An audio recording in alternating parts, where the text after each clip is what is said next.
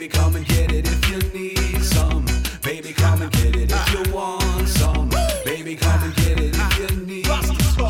Just come and get it. Welkom bij de podcast van ComeGetIT.nl met Sander Bruis en Martijn Verheij.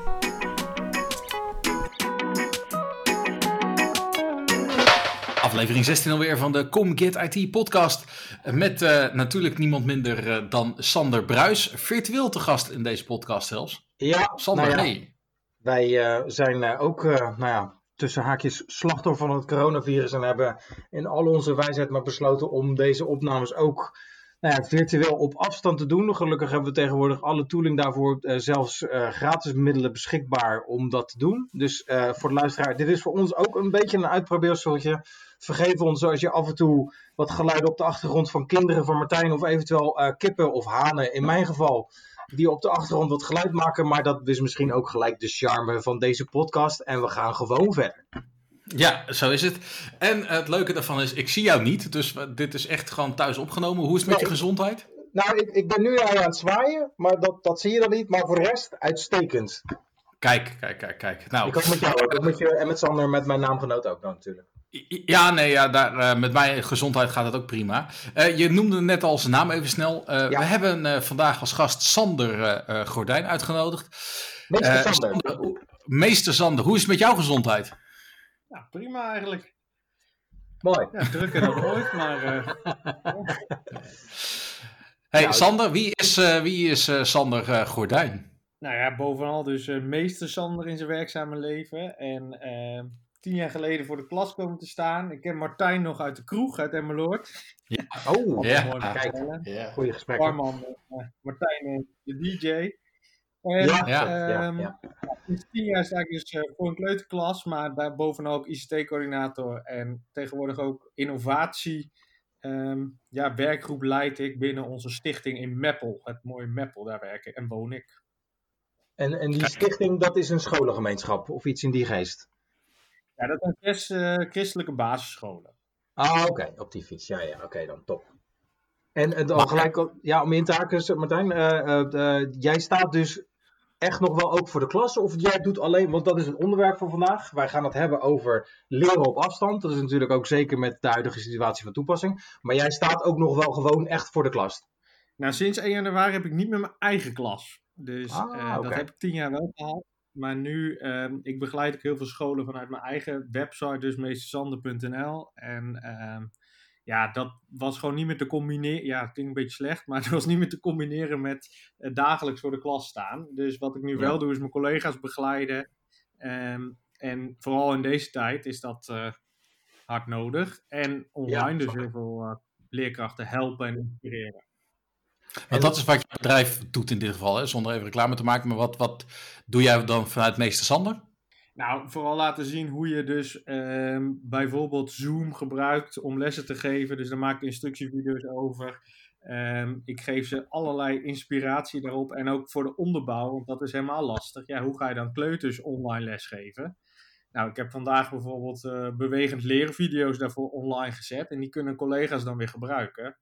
Gaaf. Ja. Ja, en, en eh, Ja. dus inderdaad, je kan zeggen dat het leren op afstand echt wel inmiddels jouw werk is, zo gezegd, eh, als, als, als leerkracht. Nou ja, vooral ook het digitaliseren van het onderwijs op een goede manier. En daar nou ja, weet ik niet veel van, omdat ik daar gewoon vroeg mee begonnen ben. Al vanaf dat ik gewoon studeerde, was ik daarmee bezig. Hoe kan ik ICT toepassen? En ehm, ik begon gewoon nog met het krijtbord in mijn eindstage. Maar al Ja. snel daarna ja, kwam eh, de iPhone, de iPad uit, eh, tablets. Dus daar kwam Ja. al steeds meer ja, tooling. En maar hoe ga je dat inzetten op een goede eh, manier? En ik zit vooral aan die visiekant. En doordat je gewoon zelf wat van ICT weet. Nou, ik denk in vergelijking met jullie niks. Maar voor, een onder, voor een leraar weet ik er vrij veel van. Ja. Ja, word je al snel naar voren geschoven en word je coördinator en word jij geacht om alles te regelen. Ja, Nou ja, gelukkig weten wij inderdaad wat meer van IT, maar weinig van onderwijs. Dus ik zie een hele mooie combinatie. Maar had je dan door jouw passie of je werk, eh, wat waarschijnlijk ook wel je was, in, ook al eerder door dat er iets aan de hand was eh, in de afgelopen periode? Je bedoelt met het virus? Ja, want heb je, zag je al eh, snel dat er inderdaad een beroep op jou gedaan werd voor het leren op afstand? Of was het, is het gewoon, wat dat betreft, ben je met de, nou ja, de curve, is misschien een beetje ongepast om dit te zeggen, maar heb je gewoon, eh, is dat niet, was dat niet eerder al zichtbaar voor jou? Nee, maar wat je. Ik wist het niet eerder dan een ander in principe. Ja, eh, ik heb er wel een paar dagen voordat het echt bekend werd een blog over gemaakt. Omdat ik dat wel aan zag komen. Maar wat ik nu Ja. vooral doe, is de tools die ik eerder al gebruikte. Ja, laten zien hoe je dat voor thuis- of afstandsonderwijs kunt inzetten. Dus Ja. eh, hoe maak je video's? Hoe kan je op een Chromebook nou een video editen? Nou, dat heb ik een jaar geleden over wie video heb ik al een instructievideo voor leerkrachten gemaakt. En Ehm, dat komt nu heel erg van pas. Ik gebruikte al Ja. instructievideo's bij kleuters. En eh, het samenwerken in Microsoft Teams doen we al twee jaar. En opeens ja, gaan heel veel scholen dat doen. Dus je liep al redelijk op de troepen vooruit, inderdaad, eh, wat dat betreft. Maar je had inderdaad nog geen, hè, bij wijze van spreken, een week of twee weken van tevoren, dat je ineens heel veel nou ja, aanvragen of verzoeken tot het leren op afstand ook kreeg, waardoor je een bepaalde, eh, nou ja, een bepaald signaal al kreeg van dit gaat fout. Nee, eigenlijk niet. Maar dat Nee, maakt ook nee, eigenlijk niet uit. Want het mooie vind ik juist om nu te zien dat die creativiteit loskomt bij heel veel leerkrachten. Absoluut. Ja, en dat er gewoon enorme energie van uitkomt vanuit het onderwijs. Ja, elk vakgebied denk ik. Maar in het onderwijs zie je dat toch ook wel dat we het echt samen doen nu. Ja, ja, ja. ja, Ja, ja. ja, ja, Eh, Hoe hou je dan bijvoorbeeld, hè, door corona zijn we ineens gebonden aan digitaal onderwijs. Eh, in plaats van voor de, Ja. echt voor fysiek voor de klas, maar meer nu ineens digitaal. Eh, maar hoe, zijn we, eh, hoe kan je dan als, als docent dan toch contact houden met leerlingen? Je gaf net al even een, een voorbeeld aan met Zoom. Maar, eh, Ja, goed Ja, nee, wat je veel ziet is dat ehm, scholen of op- bij Google zijn aangesloten of bij Microsoft, of sommigen bij beide. Dus dan hebben ze een keus. Ehm, Ja. Maar of Google Classroom gebruiken. En dat is gewoon een applicatie die al in klassen gebruikt wordt. En waarbij de leerkracht dus opdrachten naar de Chromebooks kan sturen. ehm, de kinderen opdrachten kunnen inleveren. En dat wordt eigenlijk al in scholen heel veel gebruikt. Alleen het ideale is, het werkt via internet. Dus nu kan het ook heel goed voor afstandsleren gebruikt worden. En hetzelfde is met Microsoft Teams. In enkele klas hoor ik over Slack of el- enkele leerkracht. Daar had ik zelf nog niet Ja. zozeer aan gedacht. Ehm, is natuurlijk wel een bekende tool in het bedrijfsleven ook. Om contact te houden kan je zo een eh, omgeving aanmaken. Maar je zit ook met de AVG. En daar hoor je ook heel veel leerkrachten over en scholen. Van ja, we moeten wel kijken. Wat is er nu veilig? Ja, En Ja. hoe kunnen we leerlinginformatie nou veilig versturen? En ehm, ja, ja, ja. kijk, Zoom is bijvoorbeeld heel makkelijk. Er zijn wel geruchten over, ja, is het nou privacy technisch goed? Ja, dat zijn hele lastige kwesties waar je eigenlijk geen tijd voor hebt, merk ik. Nee, dat kan ik me heel Nee. goed voorstellen. Dat, dat, dat misschien op dit moment dat soort vragen ook een klein beetje naar achtergrond eh, eh, geduwd worden. Maar de, de si- situatie die je schetst, eh, is dat eigenlijk standaard op elke school tegenwoordig? Of is dat eigenlijk nog, eh, nou ja, of alleen in jouw schoolomgeving bij, wijze van spreken, of gemeenschap? eh, Nou, als ik naar onze zes scholen kijk, heb je denk ik een heel divers eh, landschap. En eh, de ene school doet het echt nog door boekjes te laten ophalen. En de andere is compleet. En Apple eh, zelf heeft ook de eh, klaslokaal app bijvoorbeeld in schoolwerk. Dus daar werken wij dan mee. De school die ik vijf jaar geleden begonnen ben. hm. Ja, Die oplossing is helemaal perfect. Die leerlingen krijgen altijd de iPad al mee naar huis. En nu kunnen zij dus ook op afstand daar ehm, ja, mee werken. Maar je ja ziet dus is. echt een divers landschap van scholen die gewoon boekjes meegeven en waar de telefoondienst is, waar de ouders dus naar school kunnen bellen, tot complete online lessen met online opdrachten waarbij kinderen daarin samenwerken. Ehm, ja, zo divers is het wel, alleen je ziet dat leerkrachten wel willen. Dus online in Facebookgroepen bijvoorbeeld zijn enorm veel leerkrachten actief die elkaar aan het helpen zijn om het maar ja, op te tuigen eigenlijk. Ja, ja, Dus ja. er is gewoon een bijna, bijna onderwijscommunity, begrijp ik hier echt wel. ja, precies. Ja, die was er al ehm, online, maar het gaat nu zoveel over alleen maar online leren. En er is opeens een Facebookgroep die 10.000 leer, waar 10.000 leerkrachten in zitten, die, eh, ja, waar het alleen maar hierover gaat. Ja, en als je dan naar jouw werkweek kijkt, even afgezet tegen de normale, nou ja, ouderwetse werkweek bij wijze van spreken, ben je dan nu een even, aan, even zoveel aantal uren eh, op afstand les aan het geven, of is dat, dan gaat dat nog niet gelijk op? Nou ja, ik geef dus zelf niet aan één klas les, maar wat ik bij collega's nu erg zie, is dat Mhm. eh, ze het wel echt zwaar vinden. Dus ze zijn veel minder uren aan het lesgeven, maar het is allemaal nieuw. En het kost ze gewoon veel tijd om video's te maken, om eh, een systeem te begrijpen, om lessen te geven waarbij kinderen op afstand zitten. Want hoe ga je daarmee om? Met een, Ja. Laat staan een vergadering met acht mensen. Maar ga maar eens een klas van 30 kinderen via Zoom lesgeven. Nou, dan moet je wel weten dat, ze, dat je ze kan muten. En Ja, dat, eh, dat wanneer je je vinger opsteekt. En ja, daar helpen ja. collega's natuurlijk bij, of online eh, mensen die vragen hebben. En daarin zie ik wel echt dat het voor leerkrachten heel veel energie kost, maar dat ze ah, maar eigenlijk één, twee uurtjes per dag echt lesgeven. En Ja. Maar is het, eh, is, is het niet zo dat het eh, eh, beeld is dat het onderwijs misschien eh, een generatiekloofje heeft te maken voor de klas? Ja, ik denk ook wel dat dat op grotendeels zo is. Maar nu zie je dat die digitalisering moet. Alleen ik denk ook dat ze straks net zo hard weer teruggaan naar de boekjes, een deel. Omdat ze het niks vinden of dat het niet bij hun past. Dus dat is wel het interessante. Ehm, ik denk dat het belangrijk is dat je combinatie maakt tussen fysieke materialen en dat digitale. En ik hoop wel dat ze dat nu gaan inzien.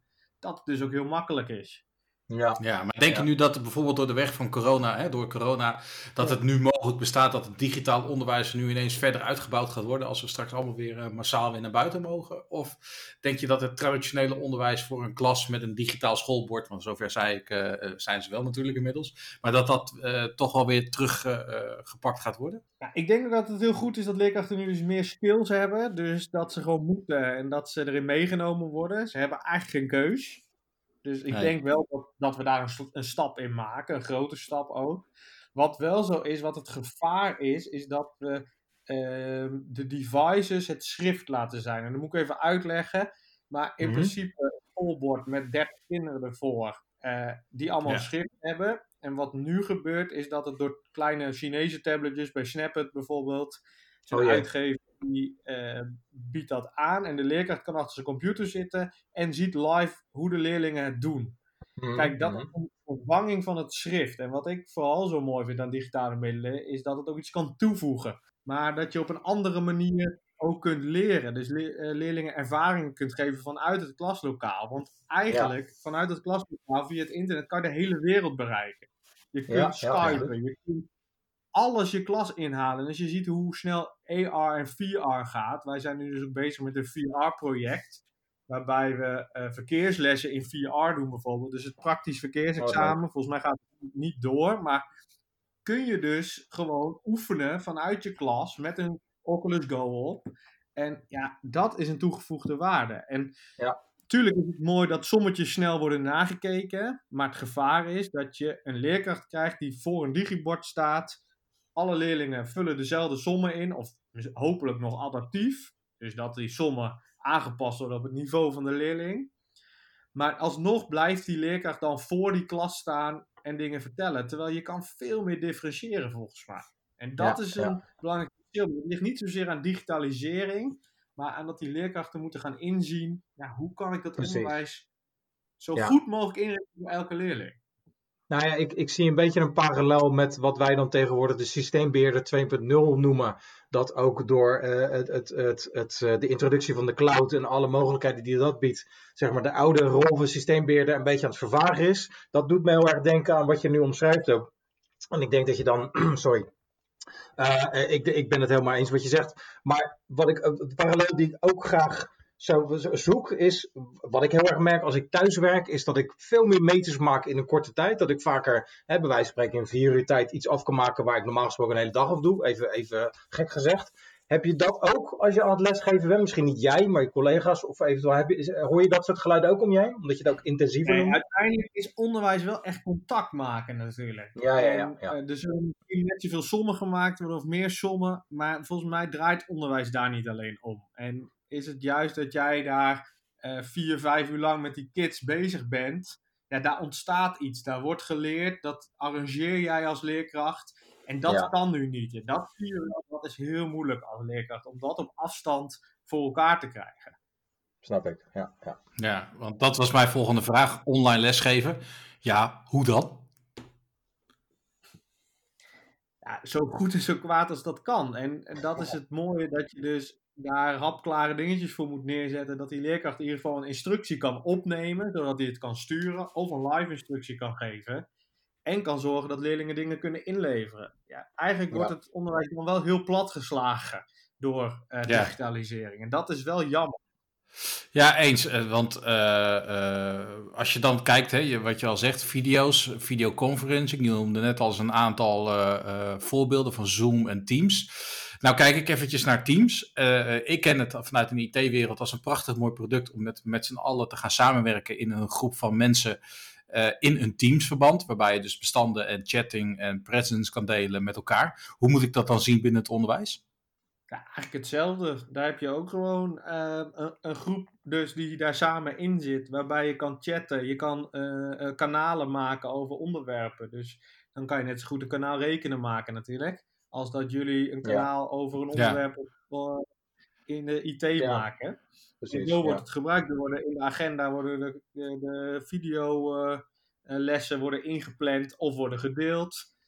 Maar wat wel zo is, kijk, waar heel veel van die leerkrachten het lastig vinden, is voor ons is het heel logisch dat je een videootje online zet en dan de link daar deelt. Of dat je in Dropbox, om maar even een cloud oplossing te noemen of een cloud, ehm, zet je een bestand in en dan kun je een link vandaan halen. Maar er zijn heel veel leerkrachten die die logica nog niet snappen. Dus daar ben ik ook mee aan het helpen van, hey, als ik een bestand wil delen met mijn leerlingen, hey, je werkt met Teams, nou dan kan het daarin. Werk je daar niet mee, dan kun je voor Dropbox kiezen, kun je daar vandaan linken. Maar let op dat er geen persoonlijke gegevens is daar van leerlingen. Dus zo ben je continu ehm, ja, aan het zoeken. En dan is Teams een hele mooie oplossing, eh, denk ik. Ehm, Ja. Maar ook dat moeten mensen leren. Want hoe werk je Ja. daarin? Je kunt niet zomaar al je bestanden erin droppen. Je moet daar ook weer afspraken over maken. Wat voor mapstructuur ga je daar hanteren? Binnen, binnen de IT kennen we de wereld van schaduw-IT. En schaduw-IT noemen wij dan eh, meer van we bieden eh, door hè, publieke cloud-oplossingen zoals een Google Drive of een, eh, een OneDrive Personal of een eh, Dropbox, die noemde jij al. Dus dat zijn eigenlijk zeg maar informatiebronnen die wij in organisaties natuurlijk graag niet willen hebben. Hè. Daardoor faciliteren we het liefst vanuit één, één product. Ja. Niet zozeer Teams, maar vanuit een Microsoft Office 365. Ja. Maar eh, jij zegt, ik, ik deel bewust de gevaren eh, met onderwijzers. Maar is het dan niet zo dat we beter het onderwijs kunnen zeggen, eh, gebruik vanuit, of vanuit een school of een instelling, gebruik specifiek deze productgroep Juist. voor het delen van materialen en beeld en Ja. eh, content? Nou, ik had dus precies dezelfde vraag in mijn hoofd zitten. Nou, gelukkig Nee, maar. denk ik ook. Maar ik werk met verschillende scholen die me adviseren. En ik, online komen er ook gewoon heel veel vragen op je af. Dus dan merk je gewoon dat daar heel veel verschil tussen zit. En Ja. eh, dat de een daar dus al mee bezig is. Maar als jij opeens een Teams-omgeving uit de lucht moet knallen binnen een dag. Ja, Ja. dan is het niet zomaar uitgelegd. En gelukkig zijn er heel veel instructievideo's te vinden. Maar dan is het wel belangrijk dat je daar de collega's weer in meeneemt. Dus ehm, ik ben het mee eens om die omgeving eh, voor elkaar te maken. Maar je merkt ook weer dat als een school voor een omgeving kiest en het werkt op dit moment niet vloeiend, dat Ja. leerkrachten toch naar andere oplossingen gaan eh, Ja. kijken. Maar Ja, je- ben je, Ja. ben je, ben je eerder voor geneigd eh, dat het top-down vanuit de overheid bij wijze van spreken gestandardiseerd wordt? Of heb je dan liever dat je zoals je nu doet het zelf uitvindt en op een gegeven moment onder elkaar de beste methodiek vindt? Nee, het Nederlands onderwijssysteem werkt niet zo dat het top-down is en helemaal niet qua dit soort oplossingen. Hmm, Dus hmm, eh, al zou je dat willen, dat kan niet. hmm. Nee, oké. Op dit moment. Ja, of het zou best kunnen, maar ik denk niet dat het geaccepteerd wordt. Laat ik het Maar zo zou je het zeggen. willen? En past Nee. het? Nee, ik zou het ook niet willen. Want het mooie is juist dat jij. ehm, de ene school werkt dus met de Google-omgeving en de andere werkt met de Apple-omgeving. Ja, En- ja, ja, ja. Dat zijn weer keuzes ook op visie. En daar moet je, moet je mensen ook vrij in laten, dus wat jou betreft. eh, ik heb daar helemaal geen beeld of mening over wat dat betreft.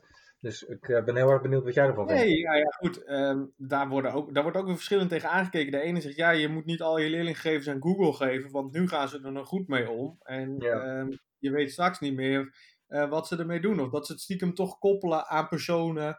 En ehm, ja, dat kan ook best gevaarlijk zijn. Terwijl Ja, ze ja, ja, Apple be- zweert bij privacy. Maar goed, daar weet je net zo goed niet van of dat in de toekomst goed komt. En met Microsoft is het ook zo dat die een goede overeenkomst hebben via APS IT-diensten bijvoorbeeld. Voor het onderwijs. Ja.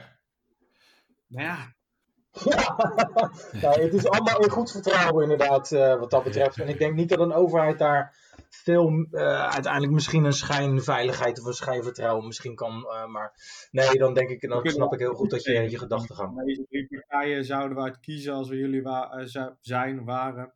En, ehm, maar daar, dit adviseren wij. Dat zou prima kunnen natuurlijk.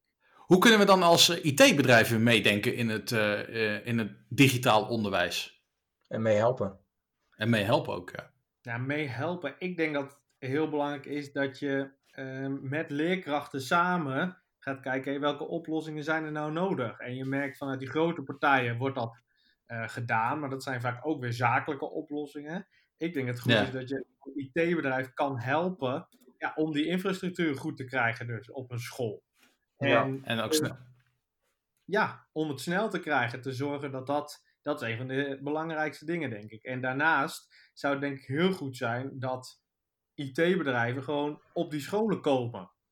Ja, Gewoon ja, eens met ja. een leerkracht praten, want het is zo eenzijdig vanuit het onderwijs. Ehm, en dan ben ik al de meest, of een van de meest ICT-georiënteerde leerkrachten. Terwijl Ja. zo ehm, vaardig ben ik nou ook weer niet. Ik gebruik vooral de tools en ik zie hoe ik het in het onderwijs kan toepassen. Maar het mooie zou zijn als je die krachten kunt bundelen en daar oplossingen voor kan maken voor een stichting of kan helpen om teams in te richten. Want je kunt ook daar weer allemaal apps in kwijt bijvoorbeeld. Nou, ik kan je zeker vertellen, dat weet 90% van de leerkrachten niet. Dat je er ook apps in kunt zetten en die weer kunt gebruiken. Of dat er een app op maat gemaakt zou kunnen worden. En Ja. ehm, dat is denk ik heel belangrijk. En ook het, de manier van denken. Dus waarom moeten we kinderen ehm, ja, al een basis van het programmeren meegeven? Of ICT-basisvaardigheden? Waarom is Ja. dat zo belangrijk? Ja, ja. Nou ja, dat, nou ja, leg het maar uit. Wat- wat- Dat vind ik een hele heel belangrijk. Wat, waarom vind jij dat belangrijk? in elk beroep heb je te maken met ICT. En Ja. ehm, het maakt niet uit, of IT jullie zeggen, het maakt niet uit wat je doet, maar je krijgt ermee te maken. En het, is heel, ja, het wordt meestal gezegd maar van automonteur die een auto moet uitlezen, tot eh, Ja. een wethouder die moet weten, oké, als ik dit ICT-project nu aanneem, is dat aannemelijk voor dit bedrag? Of is, Ja. word ik nu opgelicht? Gewoon dat je kan, Ja. logisch kan nadenken, wat kost het bouwen van een app? Dat, Ja. Ja. Ja, code voorkomen. Daar moet eh, een designer voorkomen. Dus dat je een idee hebt, ja, wat kan er eigenlijk allemaal op een computer? En daar maak ik me ook hard voor, dat we dat onderwijs in het onderwijs laten zien. Dus dat je een vak krijgt dat gewoon eh, digitale vaardigheden heet. En dat komt op steeds meer scholen al. En daarnaast dat de leerkracht leert om ICT toe te passen, om zijn lessen te verrijken. Maar dat zijn twee eigenlijk verschillende dingen. En die lopen te vaak door elkaar heen, vind ik. Ja, ja. Maar je ziet het wel gebeuren al. Ja, er zijn heel veel initiatieven. Eh, je hebt eh, Stichting Future NL onder andere. Eh, die maken digidoeners. Die laten ook bedrijven, ehm, mensen uit bedrijven wel naar scholen gaan. Ja. En dat gaat erg over digitale vaardigheden. Ja. En dat gebeurt steeds meer. Maar het wordt gratis aangeboden aan scholen. Maar scholen zitten ook gewoon vol met hun programma. En er tuurlijk, zijn heel veel scholen die het niet aanbieden. Of alleen leerkrachten die het los aanbieden. En het zou zo Ja. mooi zijn. Ze zijn ook bezig met een nieuw curriculum. Maar dat duurt gewoon nog even. Sowieso, nou, denk ik wel twee jaar. En dan wordt het misschien wel verplicht op elke school dat het gegeven wordt. Maar daar zou Ja. ook de IT in kunnen helpen om dat goed in te bedden. En ook daar gewoon geld en mensen in te steken. Om dat nog beter ja, zichtbaar te krijgen. En daar toffe dingen voor te maken. Ja, ja, ja, ja. Nou ja, ik, ik zie heel veel, ja, wat het, geluiden, posts, eh, artikelen voorbij komen over dat inderdaad eh, learning kids to code. En ik denk inderdaad, zoals je dat net omschreven hebt, dat dat een heel nuttige bij, eh, bijdrage kan leveren aan de maatschappij.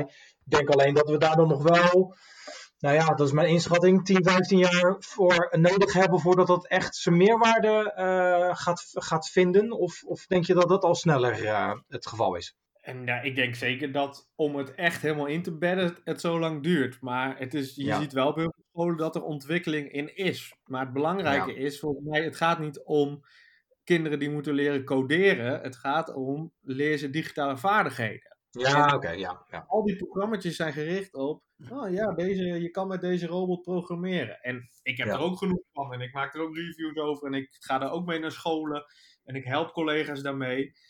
Maar om echt te snappen waarom moeten we dat die kinderen leren, in plaats van leuk in Scratch of in eh Blockly blokjes aan elkaar te plakken. Nou, lekker, dat laten we ze doen. Eh, je hebt allemaal gratis websites waar dat kan. Leuke opdracht, zijn die kinderen rustig bezig. Nee, in de essentie moet die leerkracht weten, waarom is dat nou zo belangrijk, die digitale vaardigheden? En dat gaat ook door deze crisis niet veranderen. Alleen de eigen vaardigheden veranderen. En dat is natuurlijk wel een vereiste om het uiteindelijk te kunnen begrijpen. ja. Die veranderen ineens heel snel, want dat is nu noodzaak. Ja, en dat is ook dus heel mooi. Eh, maar de, hier zou je dus iets aan moeten koppelen dat je eh, die noodzaak van die digitale vaardigheden voor die leerlingen ja, nog duidelijker maakt. En welke stappen kun je dus nemen? Want niemand kan nu meer ontkennen dat het superbelangrijk is om te weten ja, welke digitale tools er zijn. ja, Ja. absoluut, absoluut. Ja, maar ik ben heel benieuwd, hoe kijken jullie dan tegen het onderwijs aan? Ehm, het is voor mij, ik, heb geen kinderen, dus ik heb, wat dat betreft is het voor mij echt wel een hele grote blinde vlek. Ik kom echt nog uit de tijd dat ik simpelweg ook op de middelbare school een, een meester of een leraar eh, had. Die voor de klas stond met een groot bord en een schoolkraatje. Eh, dus ik, en ik moet je eerlijk zeggen, ik heb natuurlijk wel een beetje meegekregen dat de digitale wereld zijn intrede heeft gedaan in de schoolwereld. En daar sta ik ook helemaal niet negatief tegenover. Maar dat is eigenlijk het enige wat ik denk dat Martijn eh, dat nog beter kan beantwoorden. Nou ja, klopt. Ik, ik zie wel digitaal onderwijs bij mijn kinderen op school steeds meer terugkomen. Ehm, en ik moet zeggen, eh, ik vind het een goede ontwikkeling als ouder zijnde. Eh, maar ik merk nu niet dat ze echt nou leren om te programmeren. Ik, ik merk nog echt dat het traditionele taal en rekenen eh er wordt uit eh, lesgegeven.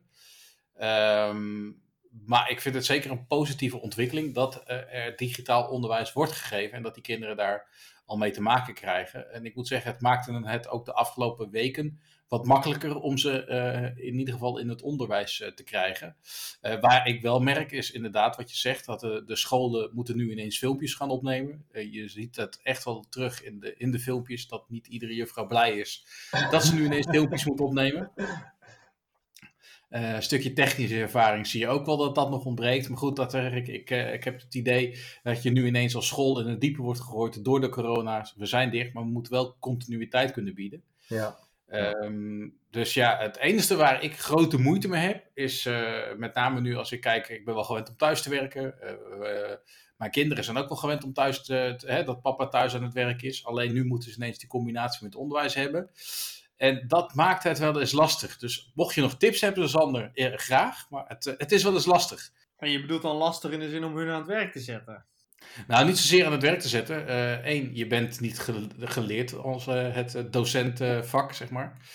Eh, maar je moet een combinatie tussen eh, werk en school kunnen vinden. Hè. Sommige opdrachten moet je gezamenlijk doen. Sommige opdrachten moeten ze zelfstandig kunnen doen. Toch hebben ze daar vragen over. Eh, dan kunnen ze op gepaste tijden kunnen ze nu hun docent benaderen. Eh, via een eh, ander communicatievorm waar eh, ik niet heel blij mee ben. Maar goed, het zij zo. Maar dan kun je de, de leraar benaderen. Maar het is voor ouders gewoon lastig om die combinatie te zoeken tussen werk en school geven, lesgeven. En dat is ook wat ik net aangaf natuurlijk, dat dat contact tussen die leerkracht en die leerling, dat is zo belangrijk. En daarom Ja. zit je met elkaar in een gebouw. En Ja. dat wil altijd de essentie van het onderwijs blijven. En daarom Ja. vind ik het zo belangrijk dat ICT daar een toegevoegde waarde is. En dat ze het niet die kinderen achter die schermpjes gaan stoppen. Maar elke keer kijken, wat is die toegevoegde waarde van ICT? En als je nu kijkt, ja, het is gewoon een noodoplossing wat er bij Ja. jou thuis gebeurt. En ik zou me niet te maken over dat schoolwerk. Want dat klinkt misschien een beetje stom van een leerkracht.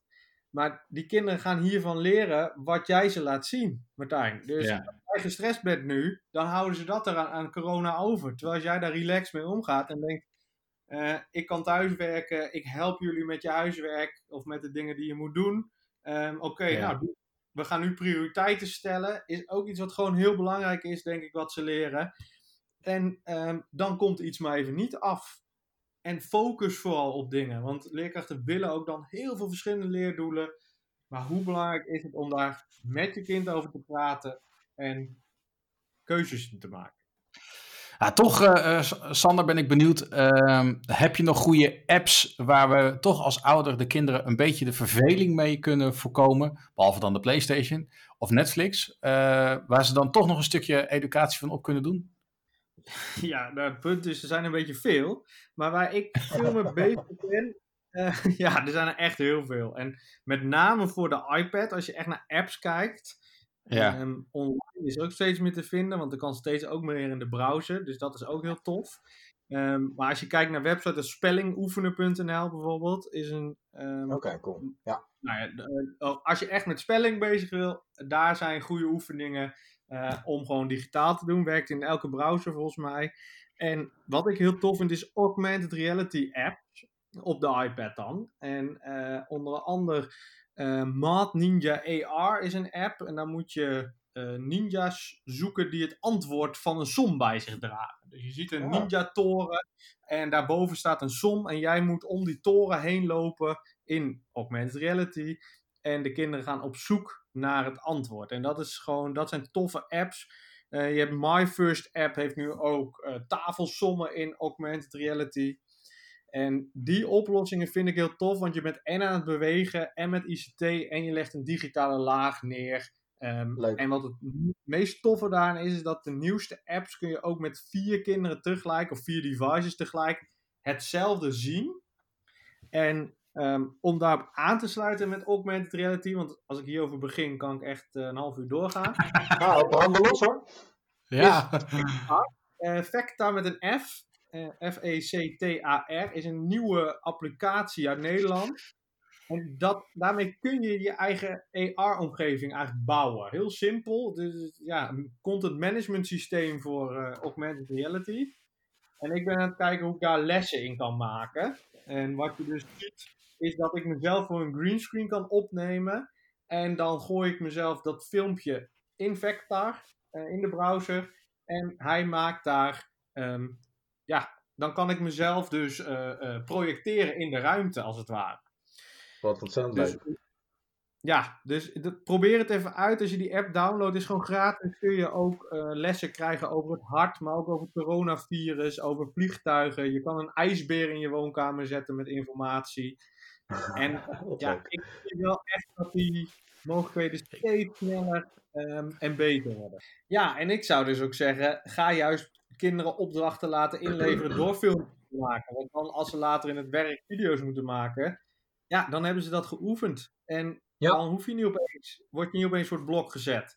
En ga niet alleen maar op papier inleveren. Want heel veel mensen, ik denk wel 80% leeft van op papier, letters, maar alles is tegenwoordig bijna visueel, beeldend. En dat moet je denk ik echt meegeven, want anders leer je dat niet. Ja, ja, ja, ja, duidelijk, duidelijk. Nou, voordat we dan naar de laatste eh, prikkelende vraag gaan, eh, vroeg ik me ook nog af, je zit nu in onze podcast. Eh, ik heb van Martijn begrepen dat je vroeger ook wel eens wat eh, hier en daar in de media verschenen bent met hetgene wat je nu ons allemaal aan het vertellen bent. Maar heb je de laatste tijd nog veel mediaverzoeken nu ontvangen met de huidige crisis? En nou, zo ik zat mensen, eh, dan wordt het tijd. eind vorige week in een podcast. God, dat hoor je niet zo vaak. Dat is een podcast van twee jongens die student zijn op de PABO.